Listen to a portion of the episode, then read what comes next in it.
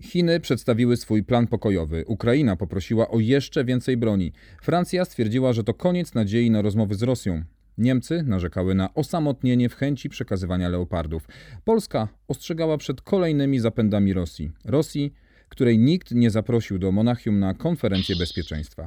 Deklaracje, debaty i wypowiedzi 59. Monachijskiej Konferencji Bezpieczeństwa są tematem tego odcinka w razie Niemca. Gościem podcastu jest dzisiaj uczestnik tego wydarzenia z mikrofonem w ręku i kamerą u boku Tomasz Lejman, dziennikarz Polsatu i Polsat News. Monachijska Konferencja Bezpieczeństwa ma korzenie transatlantyckie i europejskie, ale nasze działania odzwierciedlają również zglobalizowany świat. Konferencja dąży do zwiększenia swojej różnorodności geograficznej i dotarcia do wszystkich odpowiednich interesariuszy, tak y, twierdzą sami organizatorzy. A jak jest naprawdę, o to chcę spytać Tomka Lejmana, dziennikarza dzisiaj Polsatu, jak powiedziałem, i Polsatu News, ale kiedyś dziennikarza RMF-u w tych czasach, kiedy razem pracowaliśmy w tej właśnie rozgłośni, się poznaliśmy. Ja chwilę po Tomku przejąłem e, funkcję korespondenta RMF-u właśnie w Berlinie, a Tomek o tych już, to już chyba kilkanaście lat jest, prawda? Dokładnie 15. Dokładnie 15. 15 lat. Czyli Witam Cię jeszcze raz teraz gorąco. Cześć Tomku. Dzień dobry.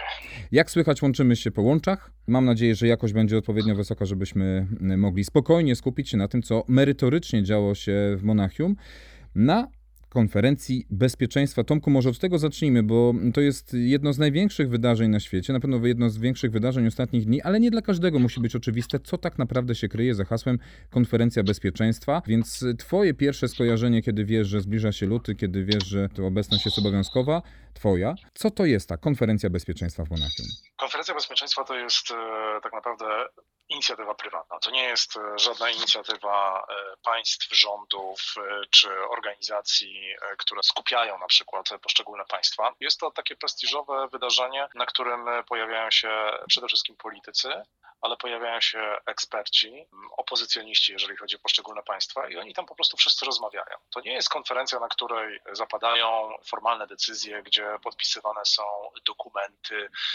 gdzie potem te deklaracje są przekładane na pewne działania, które politycy e, podejmują.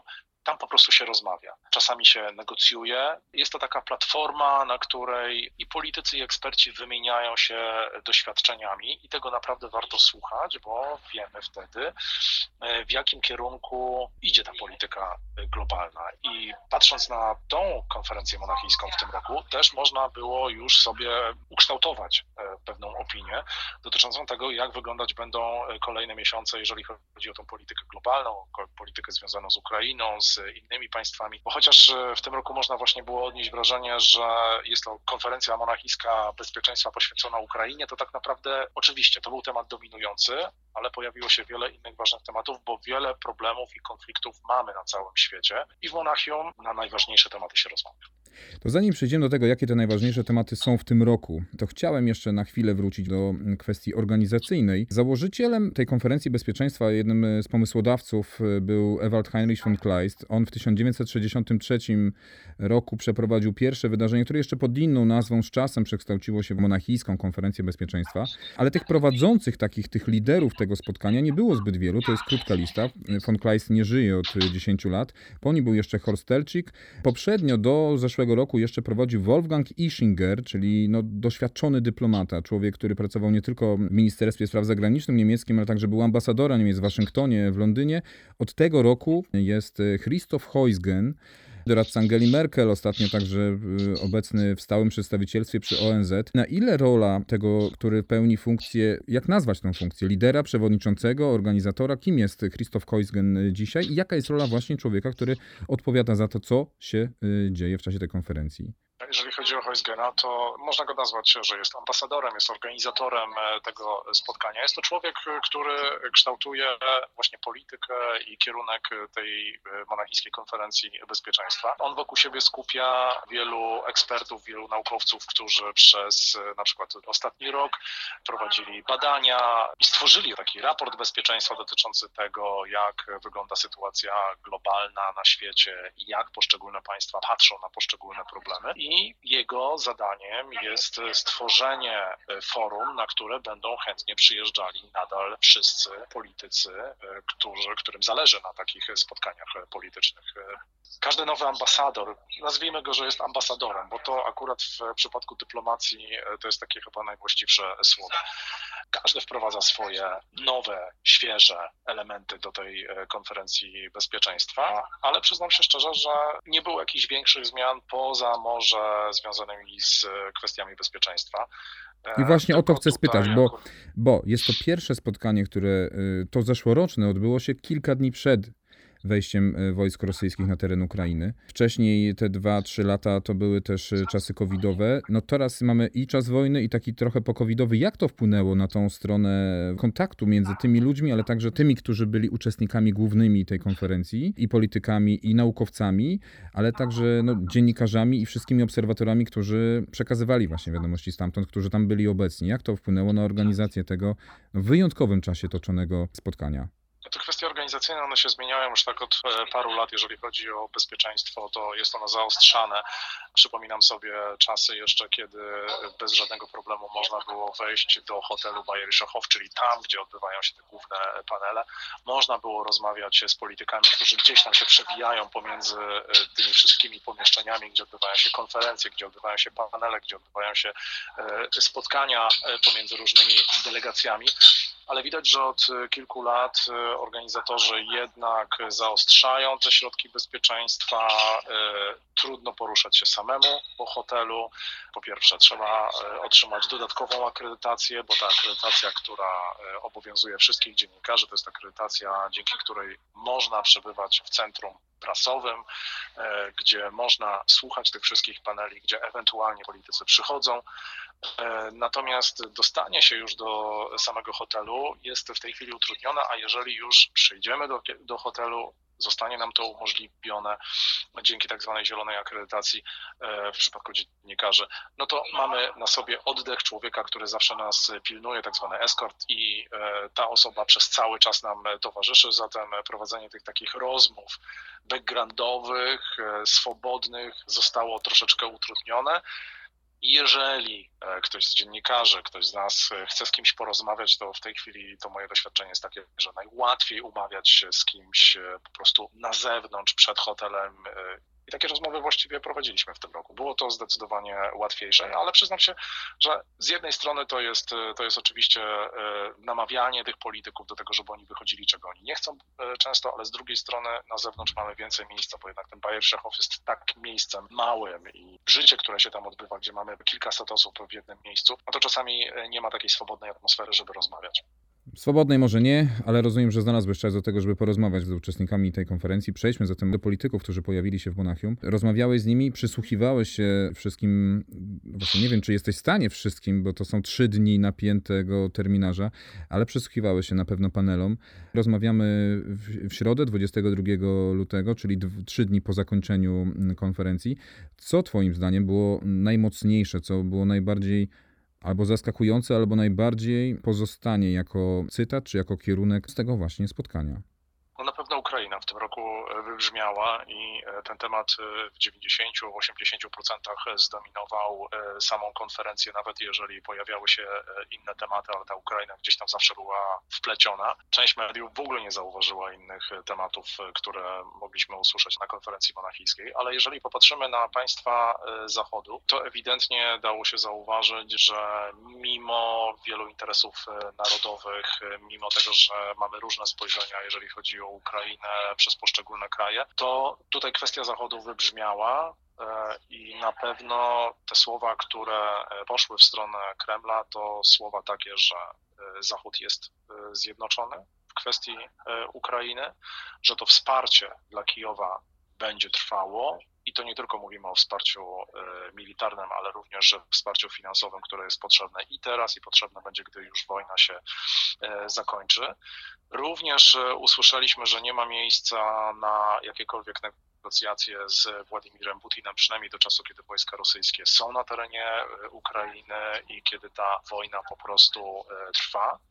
E, I to jest ważny przekaz, który się pojawił, mimo tego, że przywódcy w ostatnim czasie mówili, że trzeba negocjować, ewentualnie trzeba z nim rozmawiać, ale to wspólne stanowisko zostało w jakiś sposób opracowane na monachijskiej konferencji bezpieczeństwa. Również doszło do ważnego spotkania ministrów spraw zagranicznych państw grupy G7, a w tym roku w grupie G7 przewodniczy Japonia i 19 maja e, będziemy mieli szczyt, na którym pojawia się właśnie przywódcy G7 i już dzisiaj moderująca Japonia doprowadziła do spotkania ministrów spraw zagranicznych, którzy też wysłali jasny sygnał, że będą kolejne sankcje, które będą nakładane na e, Kreml, będą nakładane na Rosję. Usłyszeliśmy też e, bardziej, można powiedzieć, ze strony polityków e, drugiego rzędu, czyli na przykład ze strony e, szefowej niemieckiej dyplomacji Annaleny Baerbock, że najważniejsze jest w tej chwili to, że i Ukraina, i Mołdawia mają takie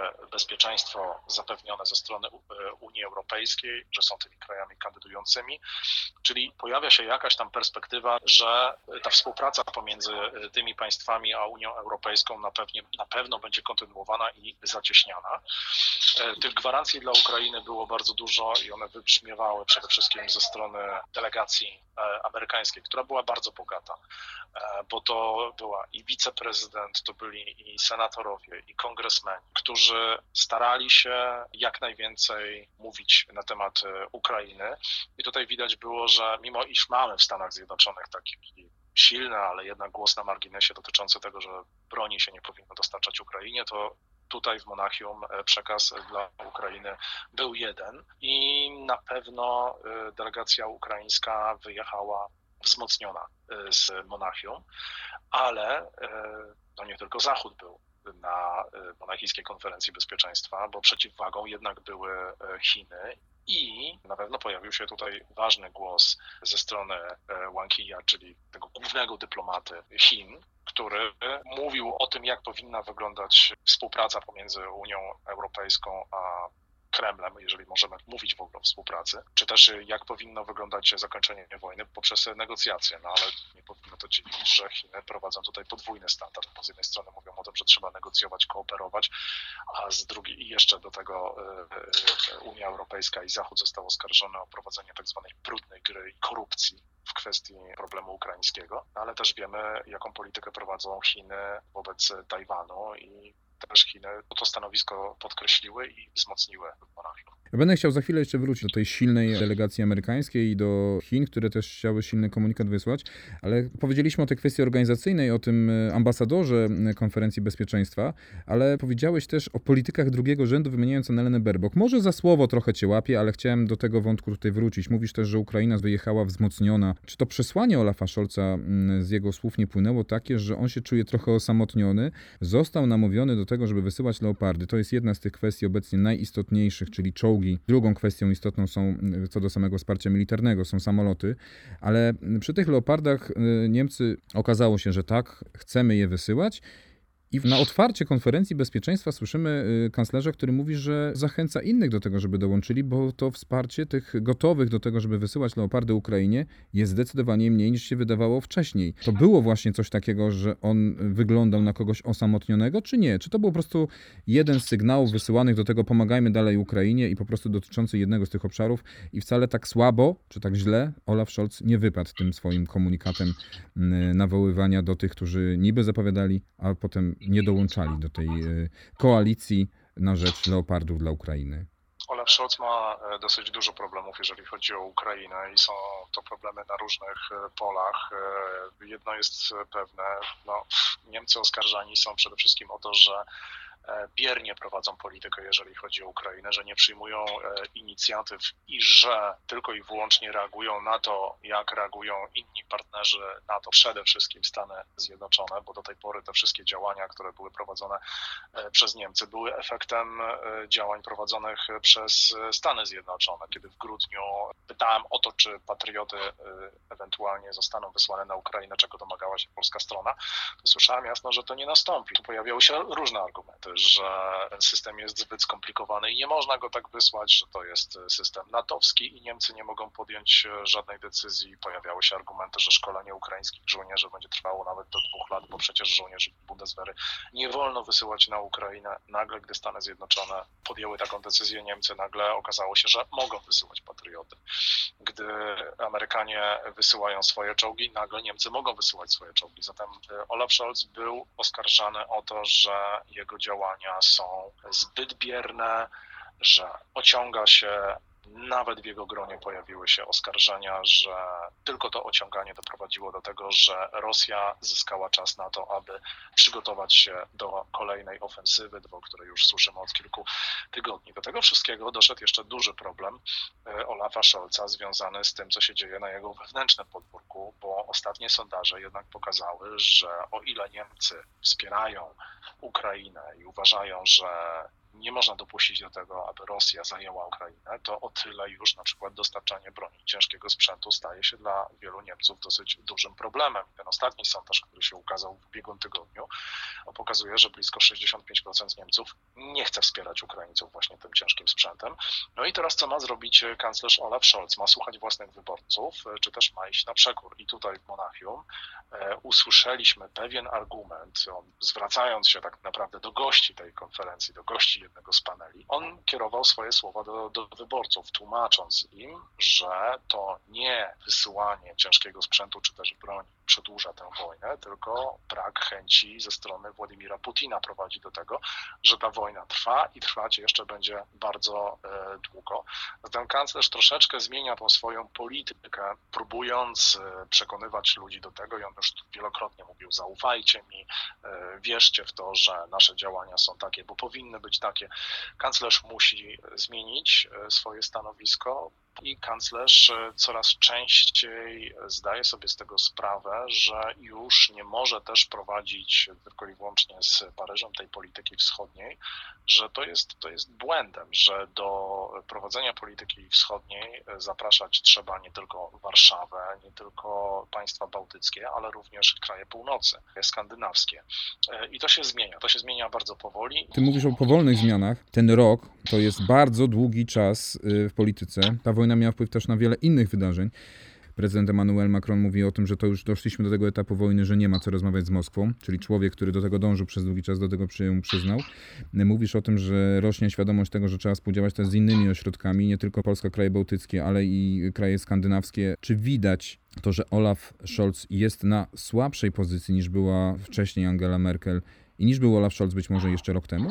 Trudno powiedzieć, że pozycja Olafa Scholza jest słabsza jak e, pozycja kanclerza Angeli Merkel, ponieważ kiedy popatrzymy na ostatni rok jej e, rządów, to też e, przyznam się szczerze, że ja byłem rozczarowany jej działaniami, bo ona już zachowała tak, jakby odchodziła faktycznie na emeryturę i nic w kwestii również polityki wschodniej e, nic się nie działo. Więc tutaj nie można powiedzieć tak, że mieliśmy pozycję kanclerz Angeli Merkel, która była aktywna, skuteczna i e, prowadziła świetną politykę i nagle przychodzi Scholz, jest Bach i mamy słabego przywódcę. Ta polityka tak się osłabiała z miesiąca na miesiąc w tych ostatnich miesiącach przed rosyjską interwencją.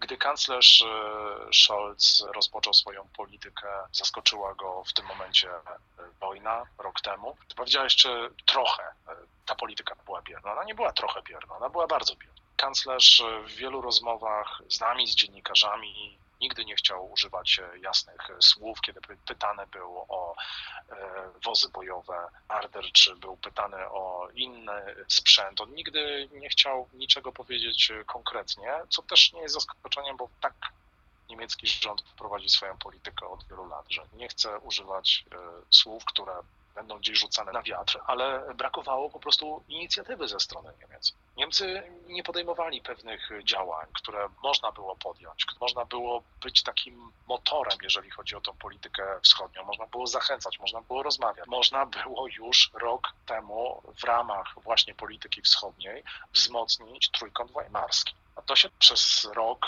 było niezauważalne. Dopiero teraz na konferencji bezpieczeństwa doszło do spotkania prezydentów po roku jeżeli chodzi o trójkąt e, weimarski. Ale problem jest złożony, bo e, kanclerz też jest e, nie tylko liderem SPD, ale jest człowiekiem, który w SPD ma różne frakcje. I te frakcje różnie postrzegają tą politykę wschodnią.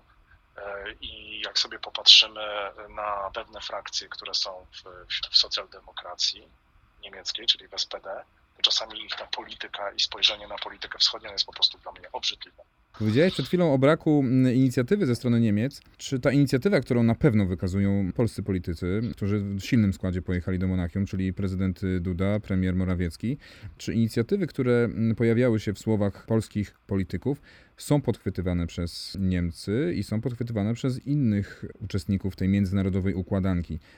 One na pewno są zauważane i na pewno są podchwytywane przez przywódców innych e, krajów, dlatego że, tak jak powiedziałeś, ten głos polski, ale nie tylko polski, bo to jest głos również krajów bałtyckich, również Europy Północnej.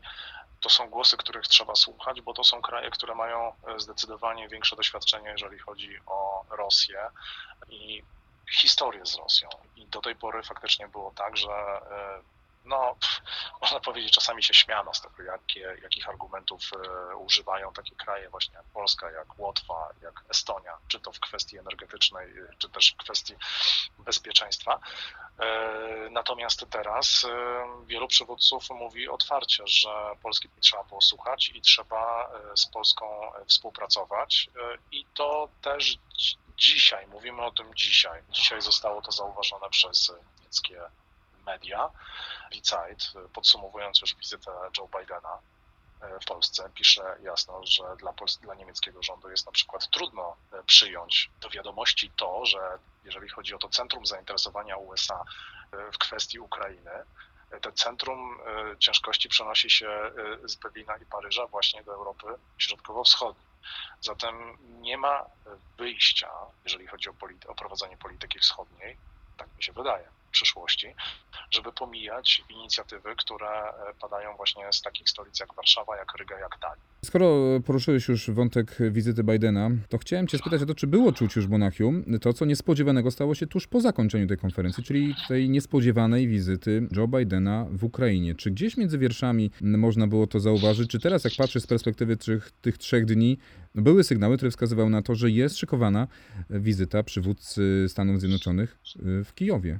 Gdybyś mnie zapytał, to podczas konferencji e, monarchijskiej bezpieczeństwa to bym powiedział, że takich e, sygnałów nie ma, ale jak teraz właśnie patrzymy sobie z perspektywy już po zakończeniu konferencji bezpieczeństwa, e, to można było odnieść wrażenie, że coś się może wydarzyć, dlatego że sam szef ukraińskiej dyplomacji Kuleba, to też mnie zastanowiło, udał się do Ukrainy, poleciał do Kijowa, chociaż w poniedziałek odbywało się w Brukseli spotkanie ministrów spraw zagranicznych, na które on został zaproszony i on na to spotkanie nie poleciał. No, wtedy nikt nie wiedział dlaczego, ale e, w momencie, kiedy Joe Biden już pojawił się w Kijowie, kiedy zobaczyliśmy Kułebę też w, w Kijowie, no to już było jasne, dlaczego wybrał taką, a nie inną trasę, dlaczego wrócił e, do kraju. Natomiast e, oficjalnie takie sygnały nie padały nigdzie, dlatego że no, ta wizyta została naprawdę dobrze przygotowana i ze względów też bezpieczeństwa, ale też dyplomatycznie patrząc, no nikt nie mógł mówić o tej wizycie, ale też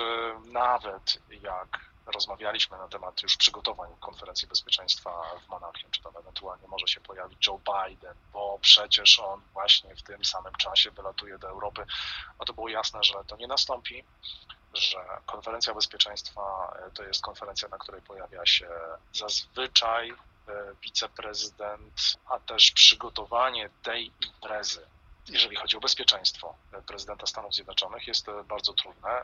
Może się ktoś na mnie obrazić, ale Monachium to nie Berlin. W Berlinie taką imprezę można przygotować pod względem bezpieczeństwa, bo jest e, odpowiednia sieć hoteli, e, miasto jest odpowiednio duże, Natomiast Monachium, chociaż jest duży, to jest miastem nie na tyle duże, żeby można było przygotować pod względem bezpieczeństwa konferencję bezpieczeństwa dla 40 szefów rządów i prezydentów plus prezydenta Bidena. Więc to na pewno było jasne, że prezydent się nie pojawi, takich planów w ogóle nie było. Ufam temu, co powiedziałeś, jest to dla mnie zaskoczenie. Oczywiście nie tak duże jak wizyta Joe Bidena w Ukrainie, ale to, że Monachium nie jest gotowe do tego, żeby przyjąć przy odpowiednim wcześniejszym zabezpieczeniu.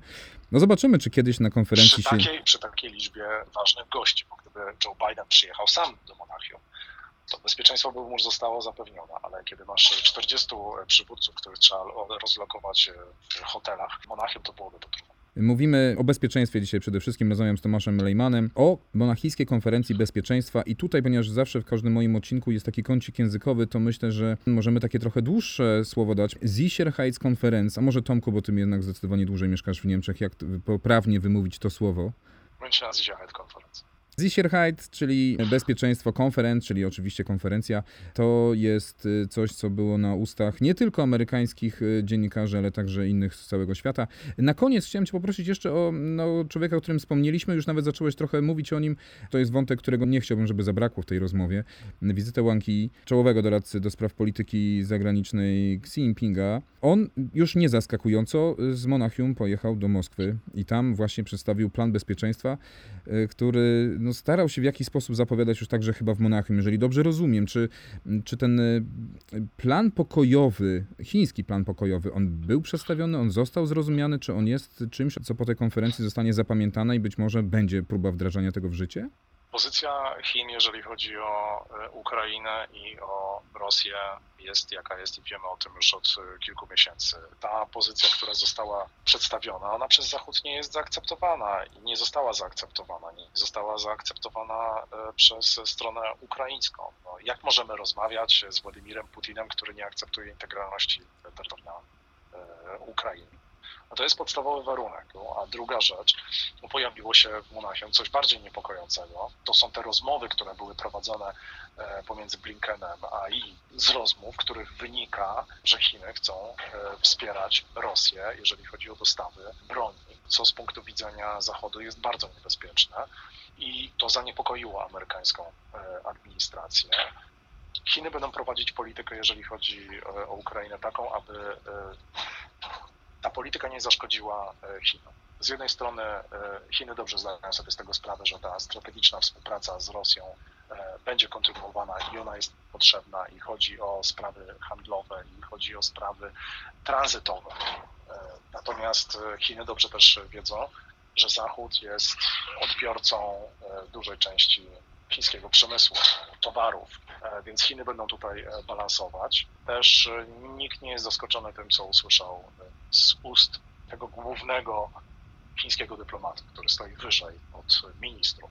I teraz zupełnie zmieniając siłę tematu, chciałem Cię poprosić, żebyś powiedział, gdzie ja Ci zostałem, bo już nie jesteś monachiem. Proszę Cię o wytłumaczenie w związku z tymi dźwiękami, gdzie jesteś. Ty jesteś w pracy, szykujesz się do tego, co będzie się działo wkrótce. Ważne daty są w tym tygodniu. Możesz zdradzić, gdzie jesteś? W Bundespressekonferenz, czyli w miejscu, gdzie odbywają się e, konferencje prasowe i te rządowe, i e, organizacji pozarządowych organizowane przez e, dziennikarzy. To jest dzisiaj moje miejsce pracy, a jak pytasz o tydzień, to tydzień jest e, naprawdę bogaty. Z jednej strony mamy wydarzenia e, właśnie polityczne, z drugiej strony mamy dużo wydarzeń takich społecznych i groźby niestety strajków i to nie klimatycznych, tylko organizowanych przez Związek Zawodowy Verdi. Mamy tydzień, w którym odbywa się festiwal filmowy Berlinale, który obsługuje już który 22 rok i zawsze jest to festiwal, który przyciąga mnie, lubię go, bo jest to kino, które nie jest kinem komercyjnym, chociaż pojawiają się oczywiście wątki komercyjne, ale e, jest dużo kina politycznego, kina zwracającego uwagę i na Ukrainę, i na to, co dzieje się w Iranie. Kino zwraca uwagę na to, jaka jest pozycja e, kobiet. Wczoraj Steven Spielberg odebrał honorowego Złotego Niedźwiedzia za e, swoją twórczość. W sobotę będziemy mieli rozdanie nagród, ale w sobotę też jeszcze jedna rzecz. Wielka demonstracja, nie wiem czy ona będzie wielka, ale ma być wielka, dotycząca Ukrainy, ale to demonstracja, która będzie organizowana przez e, partię Polityka lewicy akurat pod tym względem niczym nie różni się dla mnie od polityki AfD, e, czyli najlepiej dać się wykrwawić Ukraińcom, a my będziemy rozmawiać z Putinem. Trudne zadanie przede mną postawiłeś, muszę przerwać ci, dlatego że kiedy ja chciałem zbliżać ku końcowi, to otworzyłeś tyle ciekawych rzeczy, że nie zostaje mi nic innego, jak tylko powiedzieć e, naszym słuchaczom, żeby śledzili twoje konta na Twitterze, na Instagramie, na YouTubie, gdzie ostatnio pojawiła się nowa inicjatywa. Warto rozmawiać, warto słuchać, a chyba, że wrócę do głównego wątku, największą zaletą monachijskiej konferencji bezpieczeństwa jest to, że tylu ważnych i odpowiadających za sytuację międzynarodową ludzi jest gotowych się spotykać i rozmawiać. Może nie tak jak my, ale na pewno dyplomatycznie, chociaż kiedy trzeba, to i bez owijania w bawełnę, o czym dziś opowiadał Tomasz Lejman. Tomku, bardzo Ci dziękuję za przyjęcie zaproszenia i za tą rozmowę. Również dziękuję. Tomek wraca do swojej telewizyjnej pracy, a że od dziś, y, kiedy nagrywamy tę rozmowę, zostały tylko dwa dni do rocznicy próby wejścia Rosji na teren całej Ukrainy, y, to właśnie rosyjska wojna najeżdża w Ukrainie będzie tematem, przy okazji którego Tomka będziecie mogli oglądać i słuchać w Polsacie i Polsat News, chociaż Tomek wymieniał też kilka innych tematów, które na pewno sprawią, że no, będzie miał okazję do tego, żeby komentować bieżące wydarzenia. Dzisiejszy gość podcastu w razie Niemca jest także aktywny, jak wspomniałem, na Twitterze, na Instagramie i w tym momencie zapraszam także na moje konto instagramowe, konto twitterowe. Adam Górczewski, za tym imieniem i nazwiskiem kryją się ale gotowe do odkrywania. Y, profile, na których informuję o Niemczech, Austrii i o tym, co istotnego w relacjach polsko-niemieckich. Tomku, raz jeszcze dziękuję, a i Ciebie, i naszych słuchaczy zapraszam do kolejnego odcinka podcastu w razie Niemca. Do usłyszenia wkrótce.